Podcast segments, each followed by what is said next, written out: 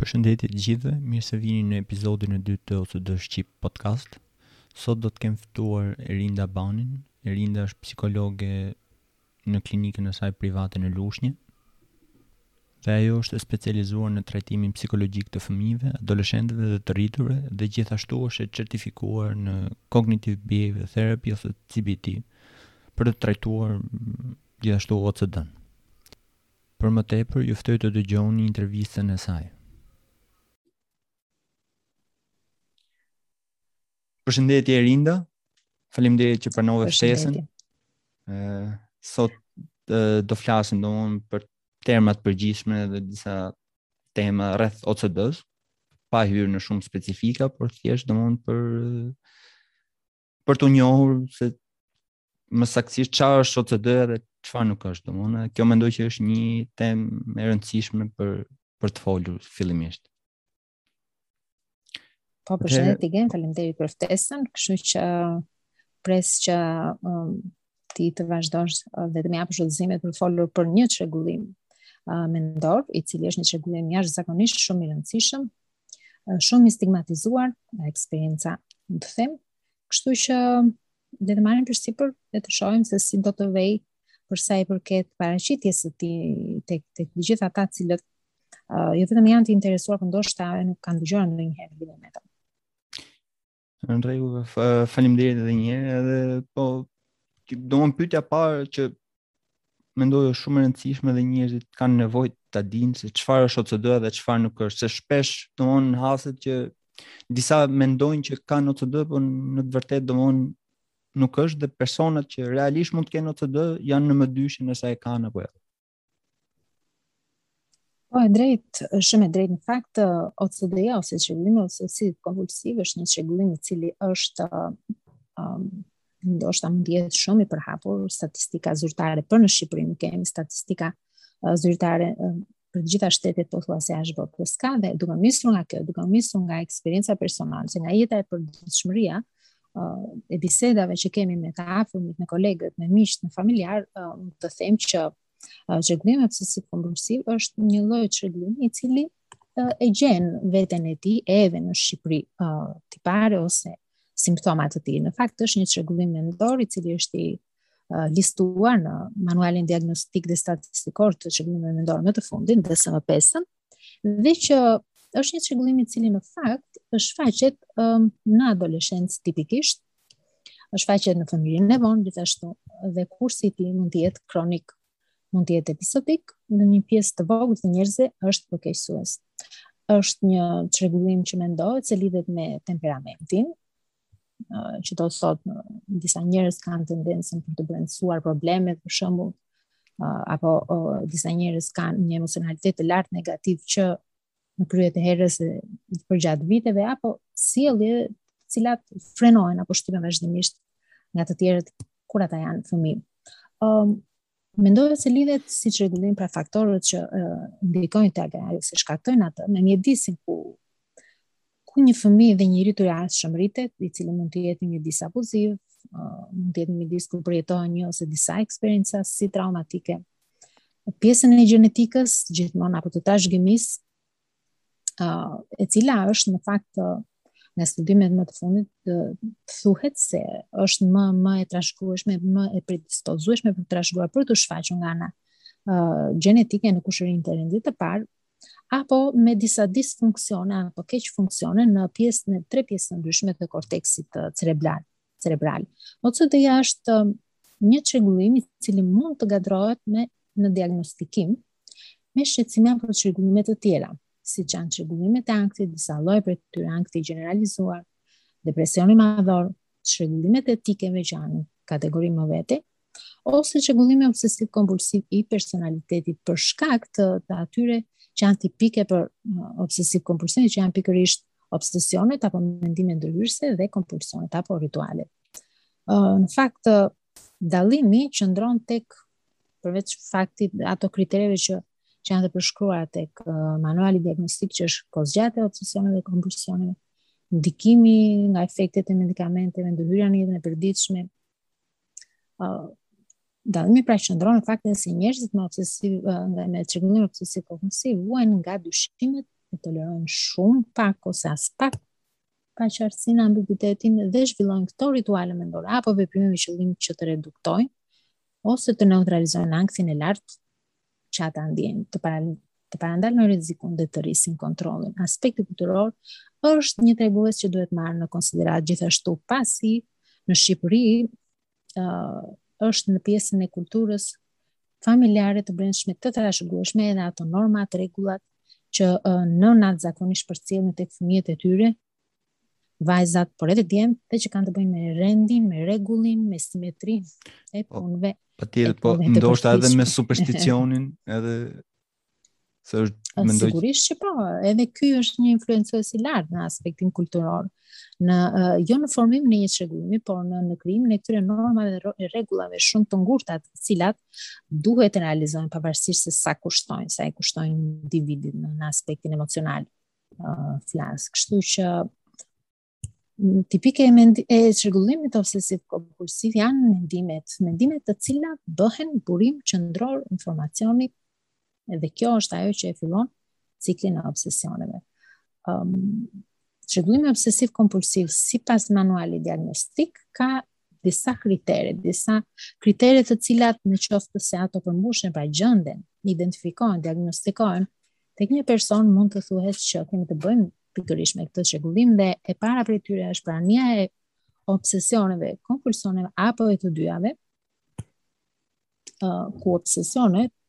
përkufizohen si mendime, mendime, shtysa ose impulse të vazhdueshme edhe të përsëritura që përjetohen gjatë kohës së shqetësimit të tilla si ndërhyrëse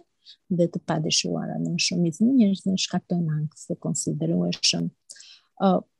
Përkufizohen gjithashtu si përpjekjet që individi bën për t'i injoruar apo shtypur këto mendime, këto këto shtysa, këto imazhe apo për t'i neutralizuar ato me mendime apo veprime të tjera.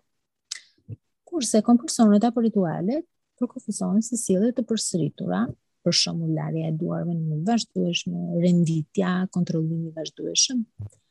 ose veprime mendore të tilla si lutja, numërimi, përsëritja e fjalëve pa zë. që individi ndihet i shtytur për t'i realizuar në përgjigje të një obsesioni, ose sipas atyre rregullave që përmendëm më sipër, që duhet të zbatohen në mënyrë të ngurtë dhe strikte. Ritualet përkufizohen gjithashtu si sjellje apo veprime mendore që kanë qëllim të parandalojnë apo zvogëlojnë ankthin, siç thamë, ose të parandalojnë një ngjarje apo situatë shumë të keqe që perceptohet si e rrezikshme. Megjithatë, ajo që i karakterizon këto këto rituale janë fakti që nuk janë të lidhura në mënyrë realiste me atë për të cilën realizohen, pra neutralizimin apo parandalimin dhe janë dukshëm të të tepruara. Një tjetër kriter, kriteri i dytë është se obsesionet apo kompulsionet marrin shumë kohë për t'u realizuar, duke nisur nga një orë në ditë, më shumë se një orë në ditë dhe duke shkaktuar kështu një një distres domethënës nga nga ana klinike apo një dëmtim në fushën sociale, në fushën e punësimit apo në fusha të tjera të rëndësishme të funksionimit. Kriteri tjetër është që simptomat obsesiv kompulsive nuk janë si pasojë e efekteve fiziologjike të një substance, të një medikamenti apo të një të drograve të ndryshme apo ndonjë kushti tjetër mjekësor, pasi dihet që ka kushte mjekësore, sëmundje mjekësore fizike të cilat uh, kanë dhe përfshijnë edhe um, edhe simptoma, edhe shenja dhe shqetësime që i japin dhe në fushën e shëndetit mendor, shoqëruar si rrjedhojë e tyre. Um, kriteri i fundit është nëse ky shqetësim diagnostikohet si i tillë në qoftë se nuk shpjegohet më mirë nga simptomat e një çrregullimi tjetër mendor, sepse simptomat të distresit, të shqetësimit, të ankthit të lartë sigurisht janë prezente edhe në në në çrregullime të tjera. Ëm uh, mirëpo ajo që është një ndër gjërat më të rëndësishme është që personat të cilët kanë zhvilluar këtë çrregullim duhet të specifikohen në qoftë se kanë insight të mirë ose të drejtë pra aftësi për të parë dhe për të gjykuar veten. Pra në qoftë se ata gjykohet që kanë insight të mirë të drejtë, atëherë individi pra kupton se besimet dhe obsesionet, obsesionet apo kompulsionet janë pak ose aspak të vërteta, ose faktin që ato mund të mos jenë të vërteta, pra i merr këto në konsideratë. Një individ i cili ka insight të ulët, mendon se besimet e obsesioneve dhe po. kompulsioneve ka shumë mundësi që të jenë të vërteta, në qoftë se ai nuk ka insight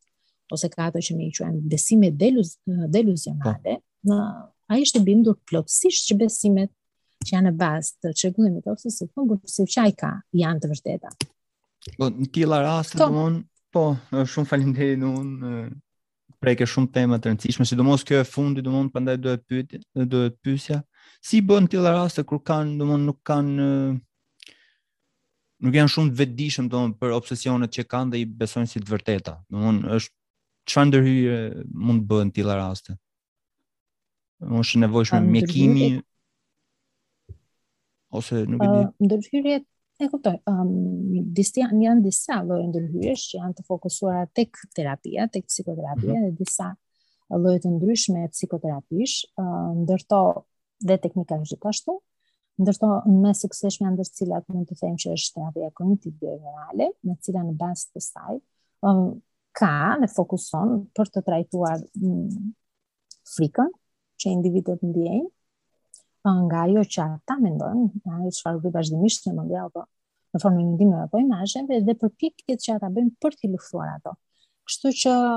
në teknika e që quhet ERP, edhe pra është një një teknikë që përdoret në në terapinë behaviorale, në që ka të bëjë me parandalimin e ritualeve dhe ekspozimin, është një nga teknikat më efikase, uh, kur ka sidomos kompulsione, kur ka rituale sjellore dhe uh, vlerësimi i kësaj teknike nëpërmjet kësaj teknike bëhet duke u fokusuar tek sjelljet shmangëse sepse kur një individ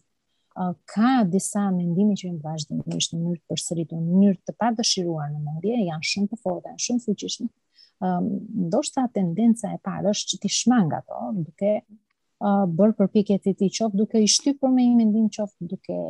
um, i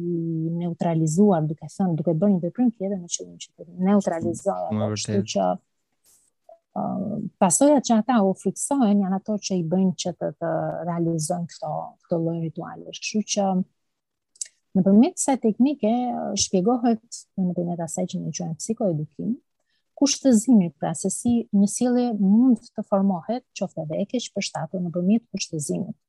dhe sigurisht modelimi për të mësuar sjellje të caktuara. Qëllimi është që të lehtësohet nga nga nga shqetësimi, nga bezdisja e ritualeve dhe shmangies, e cila është një një pjesë shumë e fortë që mban aktive le të themi obsesionet apo kom, apo kom, kompulsionet. Ofrohet alternativa përshtatëse, siç e thamë pak më përpara, uh, individët e kanë të vështirë që të të ndajnë realitetin nga nga ajo çfarë ata i tremben për ta uh, për ta mendja është është realiteti. Në fakt mendja nuk është realiteti, mendja është uh, diçka e cila gjykon gjykon në lidhje me to dhe um, dhe ata bëhen dhe ndihen automatikisht përgjegjës për për mendimet që kanë, sepse mendimet i barazojnë me realitetin. Kështu që ajo që synohet që të bëhet është që të arrihet të bëhet një një, një ndarje asaj se çfarë për çfarë je përgjegjës. çfarë ndodh në qoftë se ti mendon negativisht dhe çfarë ndodh në qoftë se vepron negativisht, që janë dy gjëra të ndryshme. Në mendjen e tyre këto barazohen. Dhe kjo është një ndër synimet kryesore të të gjitha le themi teknikave për të ndarë pikërisht këtë pjesë e cila fillon bëhet fillimi dhe mbarimi në formën e ciklit të, të obsesioneve dhe të kompulsioneve sjellore. Shumë faleminderit për përgjigjen, ishte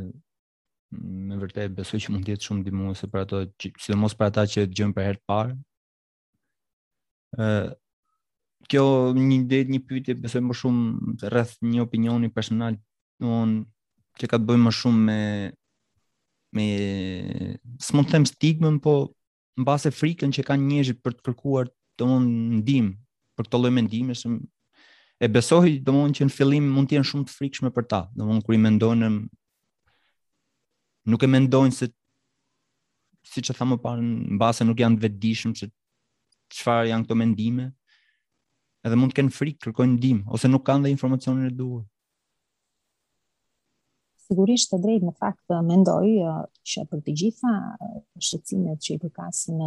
shëndetit mendor, stigma është jashtëzakonisht shumë e madhe. ë uh, dhe i frenon në një farë mënyre që të kërkojnë ndihmë. Të kërkosh ndihmë në fakt për ne në psikoterapi është hapi i parë drejt procesit të shërimit dhe procesit të terapisë. Dhe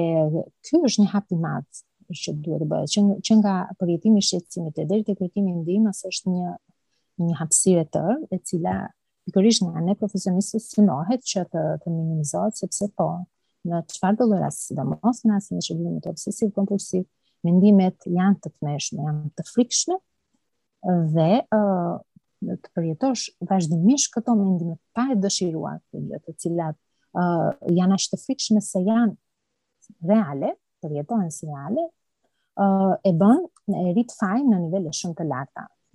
përgjegjësinë në nivele shumë të larta. Dhe kjo uh, është një ndër pengesat më të mëdha për për dikë që uh, t'i drejtohet diku për t'i thot t'i thot këto shqetësime që ka dhe pastaj të kërkojë ndihmë. Kështu që është me të vërtetë e vështirë dhe maksimumi që mund të bëjmë është që të flasim vazhdimisht për të. Në fakt në Shqipëri nga duke nisur nga eksperienca bëhet e vështirë që të drejtohesh një specialisti në momentin që ke diçka që të shqetëson dhe jo vetëm në fushën e shëndetit mendor, pasi të gjithë mendojmë se mund t'i japim drejtim vet, i zgjidhim vet, duke i lënë deri në atë pikë, dakor, kjo është diçka që ne hasim përditë, duke na përfshin ndoshta edhe ne, jo në të gjitha rastet. Shumë vërtet. Ëm uh, dhe um, kur e shohim atje ku është na ka paniku sepse gjërat dalin jashtë kontrollit, në kuptim figurativ të fjalës, atëherë uh, kërkojmë fillojmë të kërkojmë në të vërtetë nëpër burime të ndryshme informacioni, duke nisur gjithmonë nga rrethi familjar shoqëror dhe pastaj duke u referuar burimeve të tjera, listave prezente të psikoterapisë dhe gjëra të ndryshme, për t'u drejtuar diku. Do të ishte shumë mirë, sikur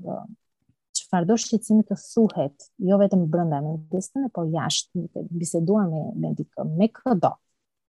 Dhe pastaj me në fund të këtyre hapave të vogla, ndoshta arrihet dhe në fakt tanimë ka shumë ndryshim nga deri dhe 2-3 vite më parë, ë uh, njerëzit ndihen më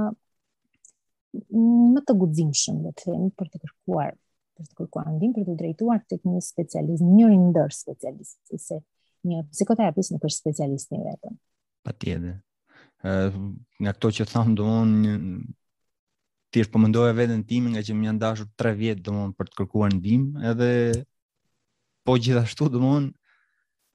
nisa që t'i jap zgjidhje vetë fillimisht në moment që e kuptova që ishte e pamundur edhe tamam nga ai ataku i panikut atëherë unë e mendova që nuk nuk mund t'i jap dot zgjidhje vetë kam nevojë patjetër për ndihmë Edhe ai ishte momenti fiks që kërkova ndihmë, edhe shpresoj që edhe të tjerë të mund të bëjnë të njëjtën gjë dhe të kërkojnë ndihmë, ndihmën e duhur tek specialistët. Shpresoj shumë. Dhe urojmë dhe luk po luftojmë aktualisht çdo ditë duke duke informuar e duke bërë më të mirën për të për të dhënë pak guxim, për të dhënë pak drejtim. Ëm uh, gjithë atyre shqetësimin që ata mund të ndiejnë. Të falenderoj shumë Linda. Ë ça mesazhi mund t'i japësh domethënë njerëzve që janë në kërkim të një ndihme tani edhe duan të kenë besim. Se Gjepa, po. Po, jo, do të thotë domethënë e po, di po, sa e po. vështirë është fillimisht, vetëm fillimi domethënë që të gjesh dikë që me vërtet mund të besosh sepse domethënë sado se ka të bëjë edhe marrëdhënia që mund të gjesh me terapistin, se nuk është edhe mund të jesh domethënë specialisti më i mirë në botë, sado sado është është ajo marrëdhënia që mund të krijosh, po prapë domethënë është shumë e rëndësishme hapi i parë që të kërkosh ndihmë. Shumë e vërtetë, të gjitha këto që përmende janë shumë të vërteta, janë aktuale, um, ende ndoshta mund të jenë edhe për një farë kohe, shpresoj kohë jo shumë të gjatë. Uh, Unë them gjithmonë edhe pacientëve këtë shprehje, shiko, vetja të zhytesh dhe vetja të ngre lart, në kuptimin që ëm um, të paktën ajo që duhet bërë është që të bëhen përpjekje, ndoshta solitare në fillim, duke kërkuar, duke kërkuar vazhdimisht. Ëm um, dhe kjo është ajo që mund ta fillojë, mund ta iniciojë të gjitha të uh, edhe marrjen e kurajës gjatë ndërkohë që hedh edhe një hap tjetër, edhe guximin, edhe informacionin Kjo është të, të përpiqen gjithmonë që në këtë botë kaq të madhe informacioni, ku informacioni të ofrohet pa fund, bombardohesh me informacion, uh, hapi parë është që t'i drejtohesh këtij informacioni dhe pastaj të fillosh edhe të, të përzgjedhësh dhe të shikosh atë cil, atë cilën është është më e përshtatshme për ty krahas krahas kësaj duke ecur dhe duke i dhënë guxim vetes duke folur ndoshta edhe me dikë pra duke u futur në në në udhën pikërisht në udhën e e shërimit tonë. Shumë shumë faleminderit deri inda, domethënë ishin informacione shumë të nevojshme për për ata që gjën, sidomos për ata që dëgjojnë për herë të parë, edhe shpresoj që të marrin hapat e duhur për për të kërkuar ndihmë. Të falenderoj shumë për kohën. Faleminderit. Shpresoj të dëgjohemi së shpejti. Faleminderit ty, punë të mbarë në vazhdim. Faleminderit. Dëgjohemi. Pra ky ishte dhe epizodi i radhës. Shpresoj shumë t'ju ketë pëlqyer dhe gjithashtu t'ju ketë shërbyer për t'u informuar sa më shumë rreth OCD-s. Nëse dikush prej jush ka dëshirë të ndajë historinë e tij ose ose ndonjë terapist që mund të ndajë informacione dhe përvoja nga praktika e tyre profesionale në lidhje me OCD-n. Për më tepër mund të më kontaktoni në faqen e Instagramit të OCD Shqip. Faleminderit dhe kalofshi mirë.